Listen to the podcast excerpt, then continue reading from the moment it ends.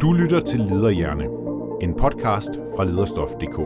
I Lederhjerne gør erhvervspsykologerne Louise Dinesen og Vibeke Lunding Greersen dig klogere på menneskehjernen og på ledelse.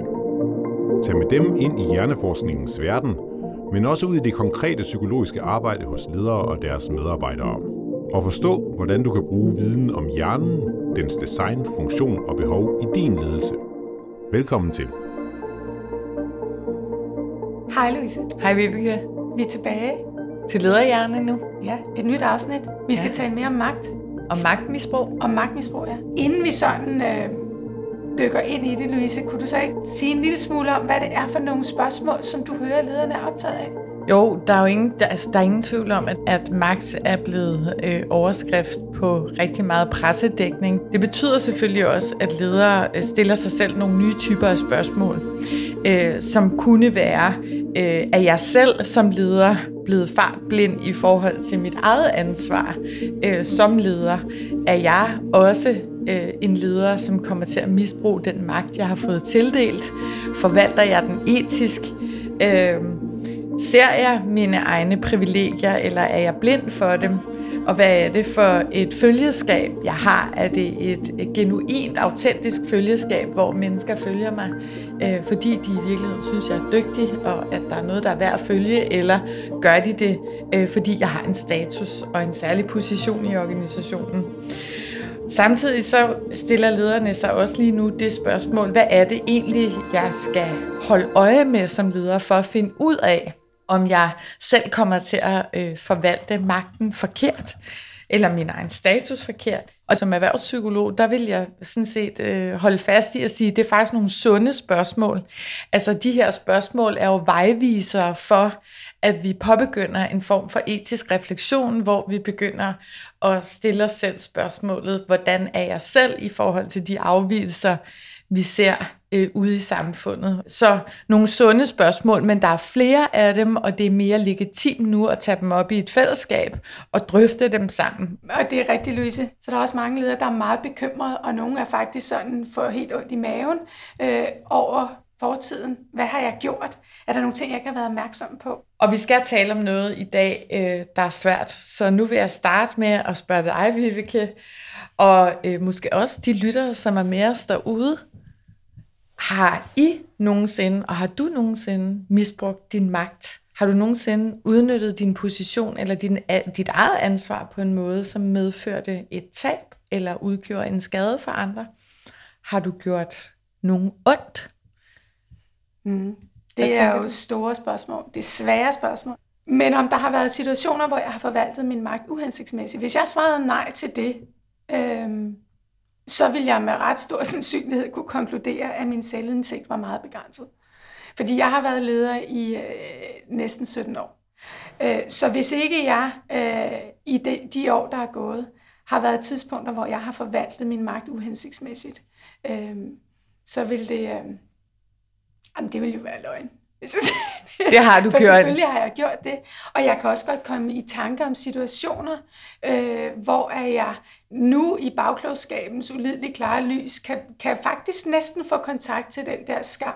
Den der følelse af, at man krymper lidt indeni ved tanken om, gjorde du virkelig det? Handlede det om at reducere menneskers selvbestemmelse og autonomi, for eksempel?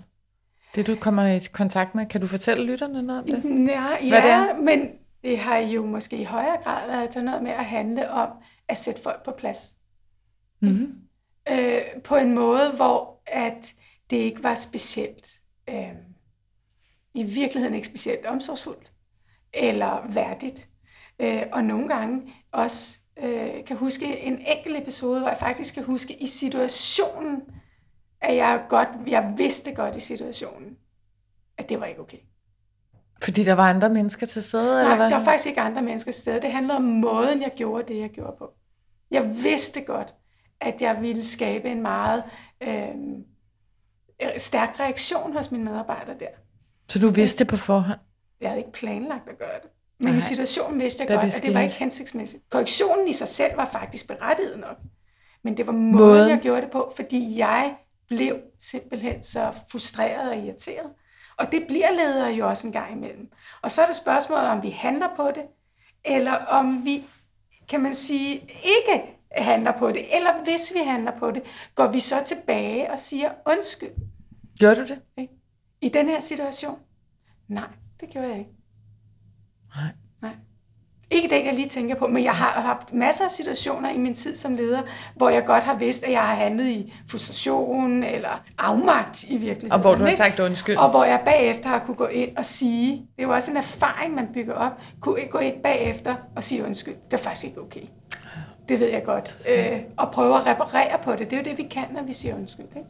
Og hvis vi skal prøve at tale lidt om brug af magt, øh, så handler det jo om det her med evnen til at sætte sin vilje igennem. Og hvordan man sætter sin vilje igennem. Ja, hvordan ikke? Ja. Man sætter sin, det er rigtigt, hvordan man sætter sin vilje igennem. Så hvis vi kommer ind i en organisation og kigger på, hvordan ser det ud, ligesom du fortalte om dit eksempel, så kan det jo være, at en leder i den milde ende af skalaen ikke får svaret på en medarbejders spørgsmål. Altså, og det virker sanktionerende, øh, fordi medarbejderen forventer øh, en særlig opmærksomhed.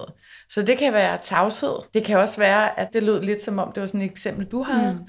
at man kommer til simpelthen at tale ned til et andet menneske, devaluere et andet menneske, fordi man kan. Det kan også være manglende kvalificeret feedback, at man giver røv dårlig feedback og siger, det der kan vi ikke bruge til noget, det har jeg hørt ledere sige, det der kan vi ikke bruge til noget, det må vi gøre om. Det vil sige, at der er ingen begrundelser, der er uberettiget kritik. Det kan være, at man i kraft af sit kropssprog vender nogen ryggen, og nogle andre vender man ikke ryggen. Forskelsbehandling, nogen er inde, og det kan være, at nogen får flere beføjelser end andre. Så er der selvfølgelig helt ud til pamperi og høje lønninger og middage og udgifter og hemmelige aftaler og uønsket seksuel opmærksomhed kunne også være et eksempel til magtmisbrug og svindel. Ikke? Men magt aktiverer faktisk vores motivationssystem og udløser dopamin i hjernen. Vi kan få en tilstand af sådan en beruselse, ikke?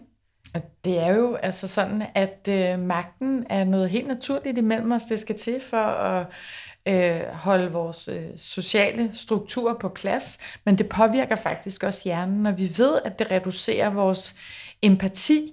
Øh, med magten følger rigtig mange opgaver, der følger rigtig meget kompleksitet og nye typer af problemer, og der er det altså øh, at hjernen økonomiserer, og vi kan opleve blinde vinkler.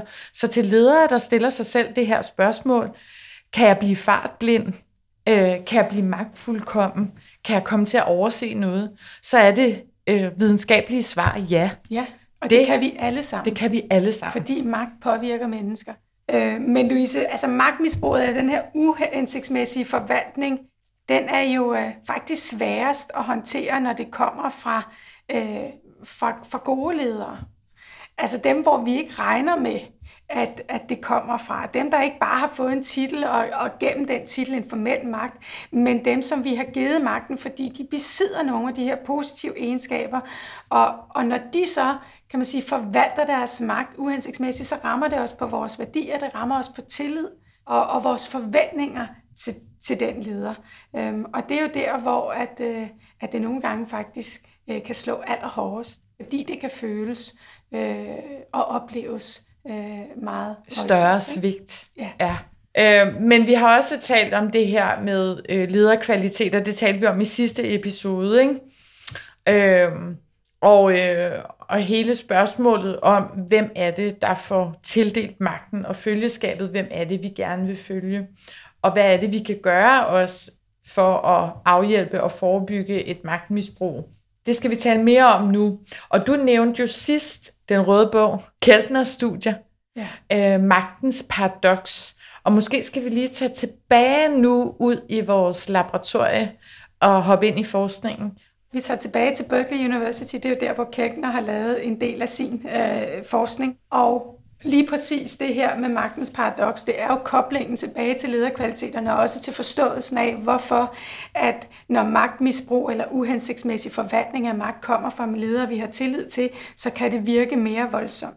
Magtens paradoks handler jo om både, hvad er det, der får os til at give mennesker magt? Altså, hvad er det for nogle karakteristika? Og noget af det, der giver mennesker magt, det er jo faktisk deres ønske om at gøre godt for andre. Så på, på den måde, så er det menneskets lyse, prosociale sider, der får øh, andre mennesker til at give dem lederskab.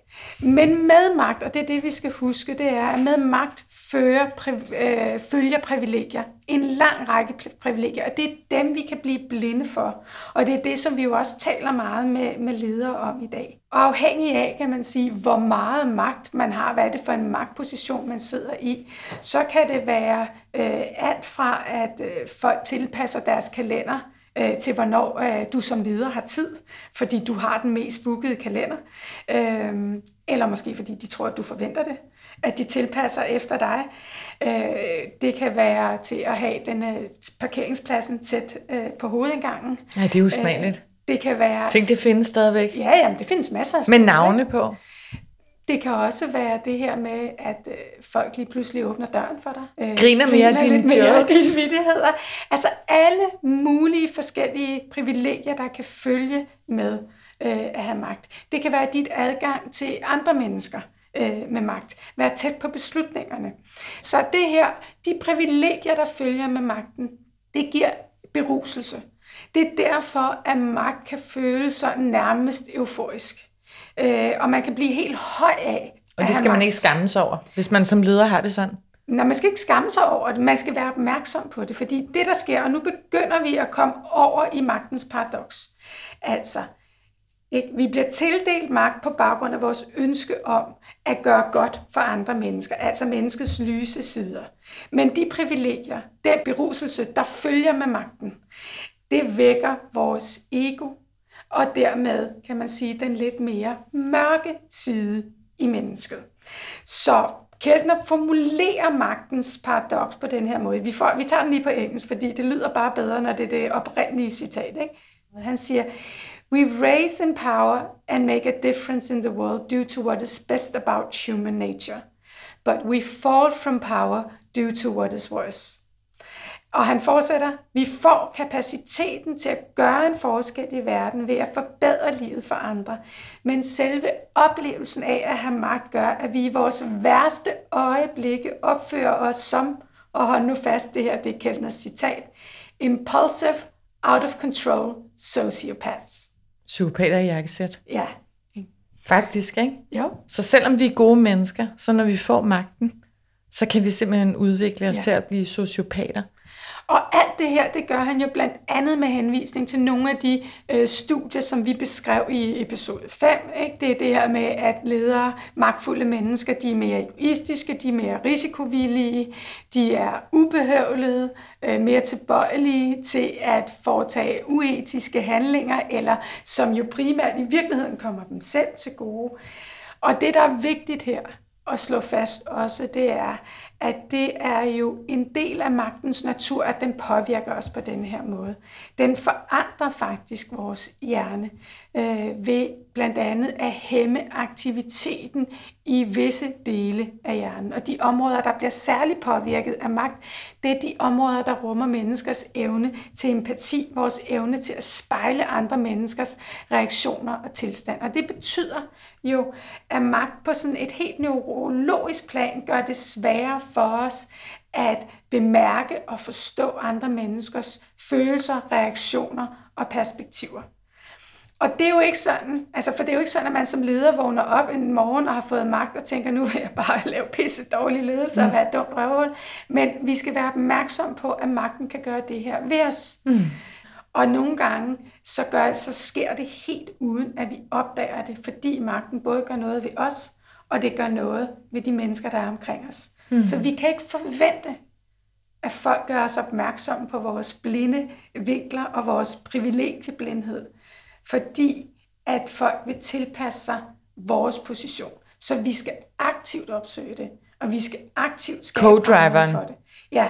De etiske retningslinjer. Lige præcis. Drøftelser, supervisionsrummet. supervisionsrummet refleksionsrummet, lederudviklingen, der gør, at vi kan gå ind og tale øh, om de her ting, og kan blive spejlet i den måde, vi forvalter vores magt på. Men hvis ikke vi aktivt opsøger det, så holder folk bare op med det. Så vi kan miste magten, øh, selvom vi oprindeligt var prosociale og ville det fælles bedste, så kan vi miste magten, fordi vi faktisk også bliver øh, nogle dumme svin, hvis vi følger øh, forskningen her. Ikke? Vi er i risiko for det, og ja. vi har jo masser af eksempler Prøv at se på nogle Politik. af de store skandaler i politik, for eksempel, eller øh, i store virksomheder, øh, hvor at folk er blevet afsløret i decideret magtmisbrug. Og jo i virkeligheden, kan man sige, for rigtig mange tilfælde, hvis vi spolede tiden lidt længere tilbage, ville vi jo se, at de kom et godt sted fra.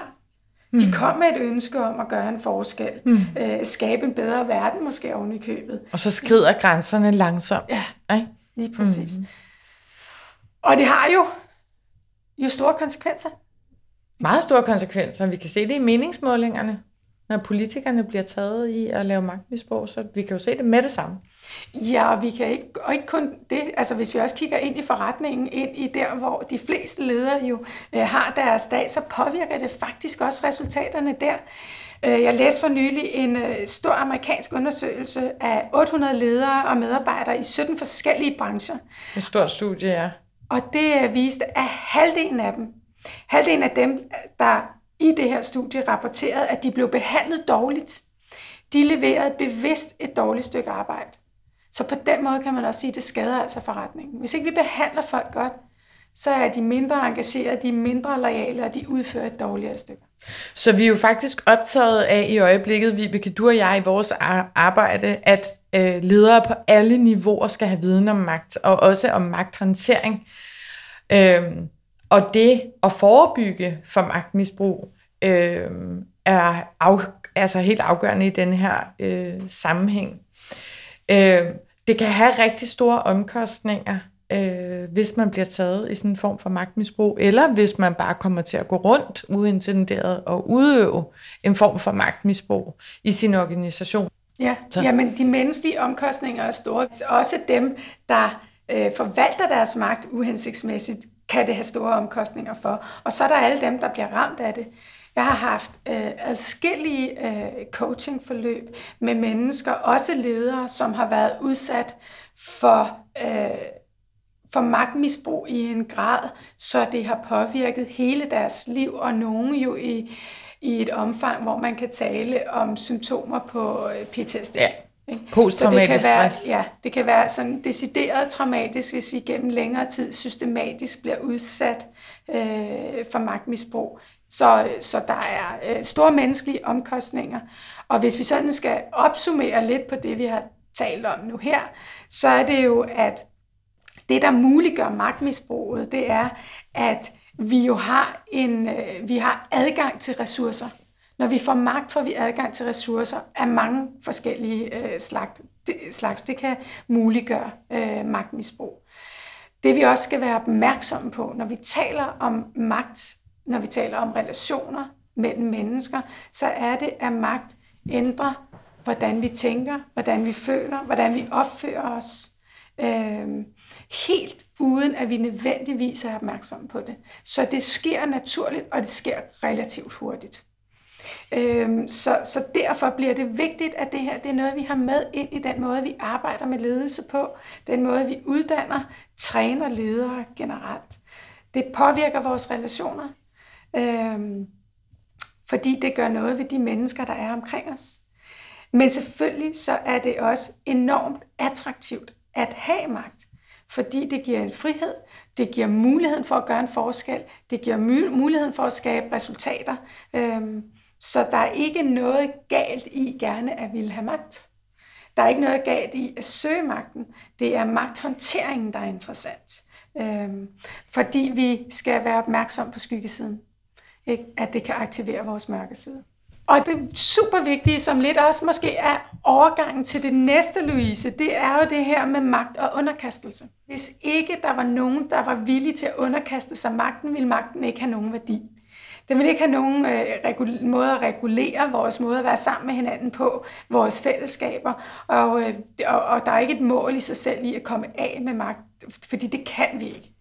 Øh, men underkastelsen, lydigheden, der følger med magt, øh, det, Det er det en naturlig del af magtens øh, natur, øh, den her øh, lydighed. Ja. Øhm, og frivillig lydighed, som vi jo har i organisationer.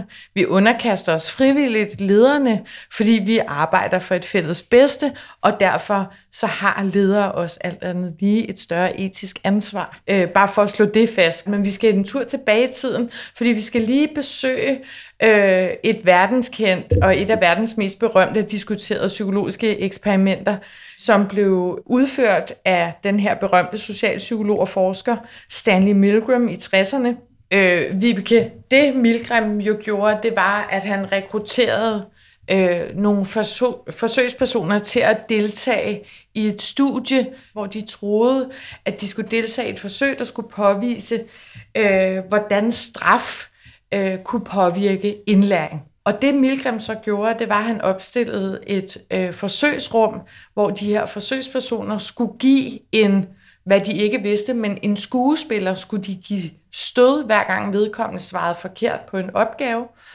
Og det øh, studiet viste, det var, at de her forsøgspersoner, som deltog i studiet, var villige til faktisk at give op til... Det de øh, troede var dødelige ja, stød, ikke? Dødelige ja. stød, og skuespilleren sad så på den anden side af, en, af sådan en, en skærm og øh, skreg hver gang øh, vedkommende fik stød, og vedkommende svarede forkert, og forsøgspersonerne blev ligesom ved med at skrue op, fordi at det var en del af øh, hele designet på forsøget, at når de svarede forkert, de her øh, på den anden side af skærmen, som de troede var, øh, altså de her forsøgspersoner troede, det var almindelige, almindelige deltagere, men det var jo skuespillere, der sad og skreg, så var man altså villig til at gå meget, meget langt, fordi, hvis forsøgs, ja. Ja, fordi forsøgslederen havde dikteret, at det var det, man skulle gøre, og forsøgslederen stod og sagde, you have to continue, you have no, no other choice than to continue i forhold til at skrue op for den ja. her straf. Øh, og nogle af de her forsøgspersoner, som deltog i forsøget, øh, fik jo forfærdelige men sidenhen i livet af, at de havde deltaget og faktisk været villige til at strække sig så langt for det, som forsøgslederen sagde, de skulle gøre. Men hele forsøget handler om lydighed, altså underkastelse, at vi er villige til som mennesker også at gå på kompromis med vores egen moral, øh, hvis det er det, vi tror, der skal til i en social sammenhæng, fordi der for eksempel er en autoritet til stede, der siger, at det er det, vi skal gøre. Nu er vi også helt tilbage øh, i 60'erne, så der var nogle andre magt forståelser en anden form for øh, hierarkisk inddeling i samfundet, end der er i dag, men stadigvæk er det sådan, at vi ser jo ude på arbejdspladser, når vi kommer ud og arbejder, at alene det, at der er en leder til stede i rummet, gør, at mennesker øh, strækker sig, underkaster sig frivilligt, og er villige til også nogle gange at gøre ting, som er uhensigtsmæssige, fordi at øh, øh, de har fået et opdrag. Mm. Jeg tænker, hvis vi kigger ud, og også i, i masser af de øh, organisationer og virksomheder, vi kommer i, og, og hvad vi ved også fra, fra, fra cases, som, som også nogle gange rammer øh, medierne, og fra forskning er vi jo, ved vi jo, at at mennesker, medarbejdere under de rette, eller det er måske mere præcist at sige under de forkerte omstændigheder, faktisk er villige til at gå meget langt, er villige til at snyde, til at bedrage, hvis de føler sig presset til det, eller hvis der er en kultur eller strukturer omkring arbejdet, der understøtter og måske ligefrem belønner øh, adfærd, som, øh, som vi øh, godt ved er uetisk eller uværdig, eller måske i virkeligheden decideret øh, lovbrud. Mm. Øh. Så som ledere skal vi jo være opmærksomme på, at alene det, vi træder ind med vores autoritet i rummet på arbejdspladsen, gør, at andre mennesker strækker så langt øh, for vores øh, opdrag og vores øh, anbefalinger og de retningslinjer, øh, vi udstikker. Vi kan ikke være sikre på feedback, som er kritisk. Vi kan ikke være sikre på, at medarbejderne siger fra.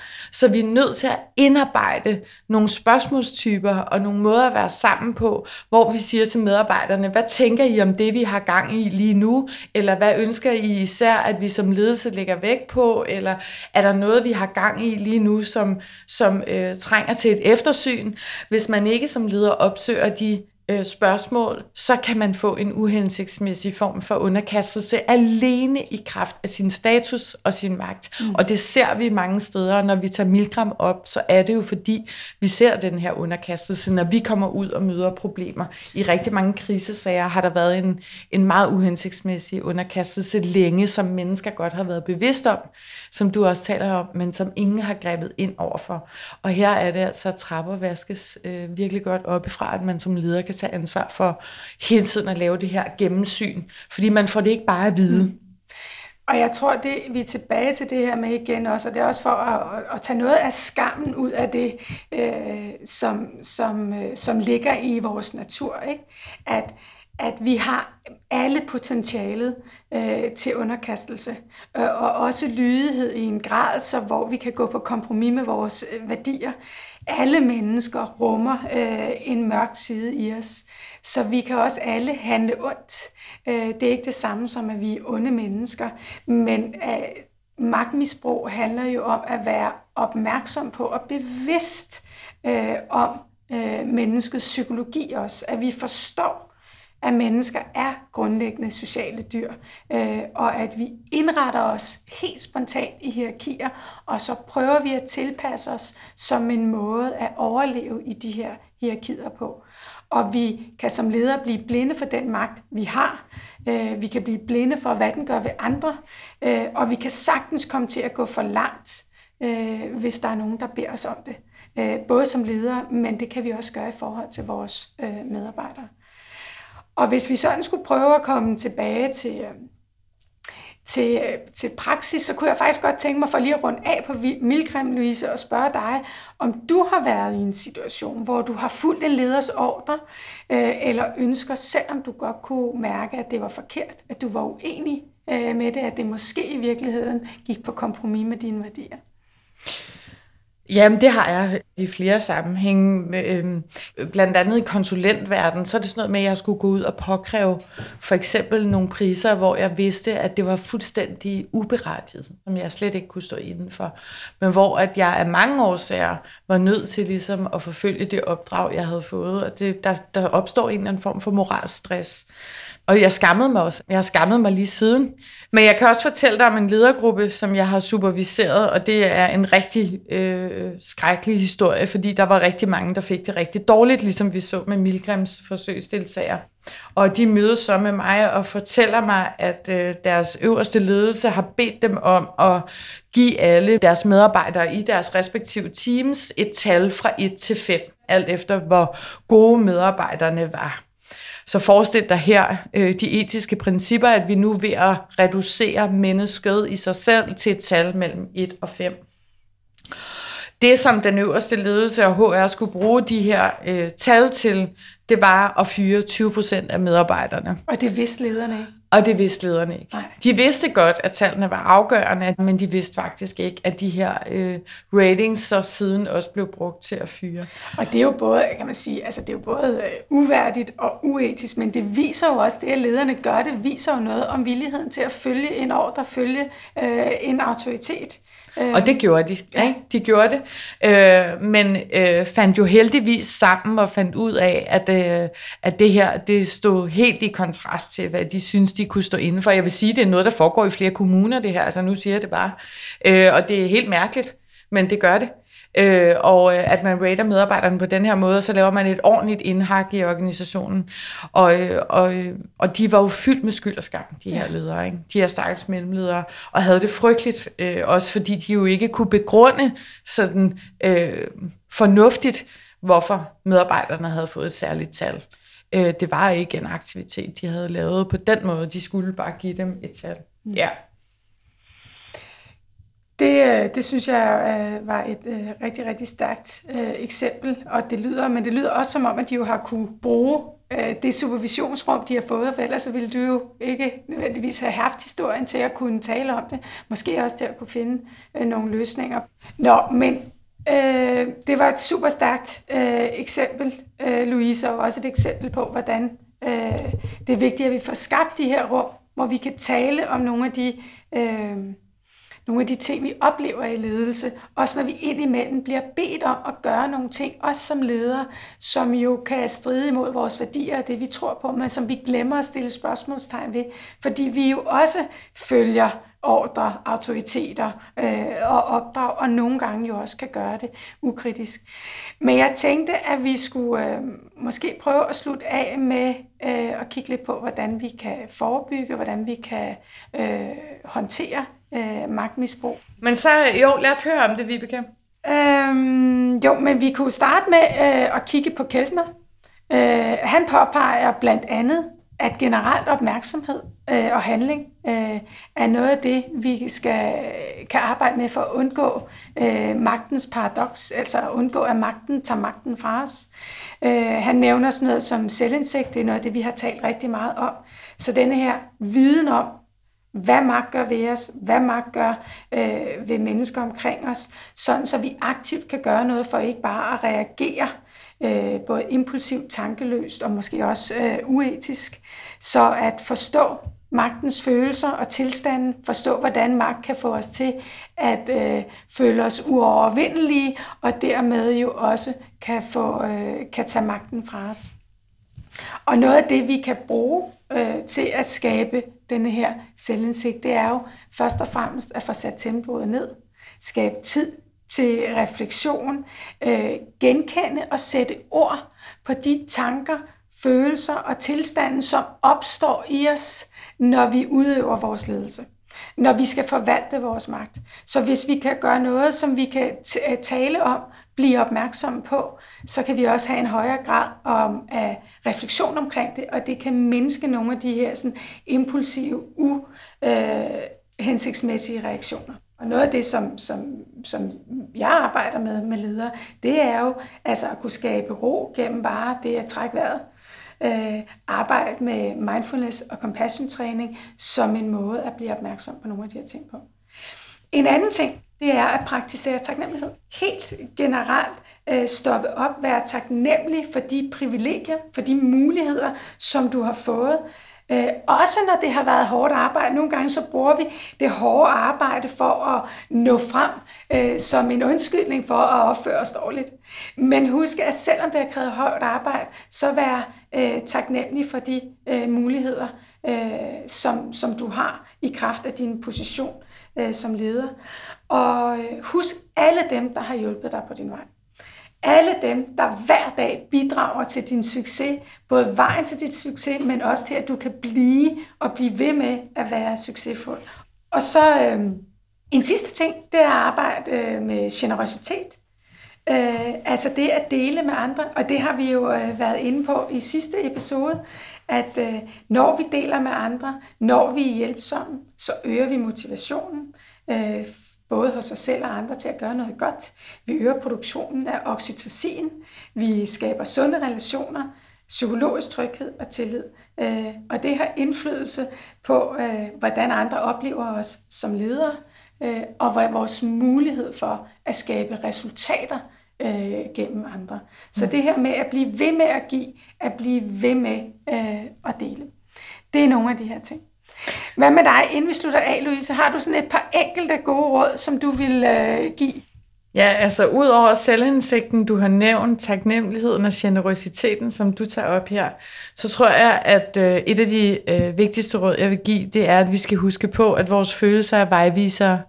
Så når vi kan mærke, at noget er anderledes særligt, eller måske på vej ud over en kant, for eksempel som vi talte om før med ledergruppen, der skulle give tal, noget er lidt særligt eller underligt, så skal vi huske på, at vores følelser er vejvisere. De kan være moralske anvisninger for noget, som er øh, over kanten. Så vi skal holde øje med vores intuition, som jo bygger på erfaring, og tro på, at de registreringer, vi får og vi observerer i vores omverden, at de er noget værd. Øh, og så selvfølgelig øh, er det helt klart, at man skal overveje, hvis ikke man har etiske retningslinjer på sin arbejdsplads, kunne man så bare starte med at læne sig op af menneskerettighederne. Øh, det er sådan nogle øh, generelle øh, principper, vi faktisk alle sammen godt kender til, som jo handler om selvbestemmelse og værdighed, som bare noget af det. Øh, privatlivets fred osv. Så, så, øh, så, så det var et par gode råd herfra. Mm. Jeg tror, at det vi godt kan konkludere, det er, at vi har brug for at sætte magt på dagsordenen generelt øh, i organisationer, i udvælgelse, uddannelse og træning af, af ledere. Øh, vi har brug for at skabe en øget forståelse for, hvordan magt påvirker os øh, som mennesker, øh, så vi øh, kan tage ansvar for det, så vi kan, kan man sige, behandle den magt, vi får med både ydmyghed og respekt. Så øh, næste gang, der dykker vi lidt mere ned i det ved at blive konkrete i forhold til noget helt generelt. Øh, der er meget op i tiden lige nu. Det er MeToo, øh, som et eksempel jo også på magtmisbrug. Øh, men det er næste episode. Så øh, for nu vil jeg bare sige tak for den gang. Tak fordi du lyttede med. Tak.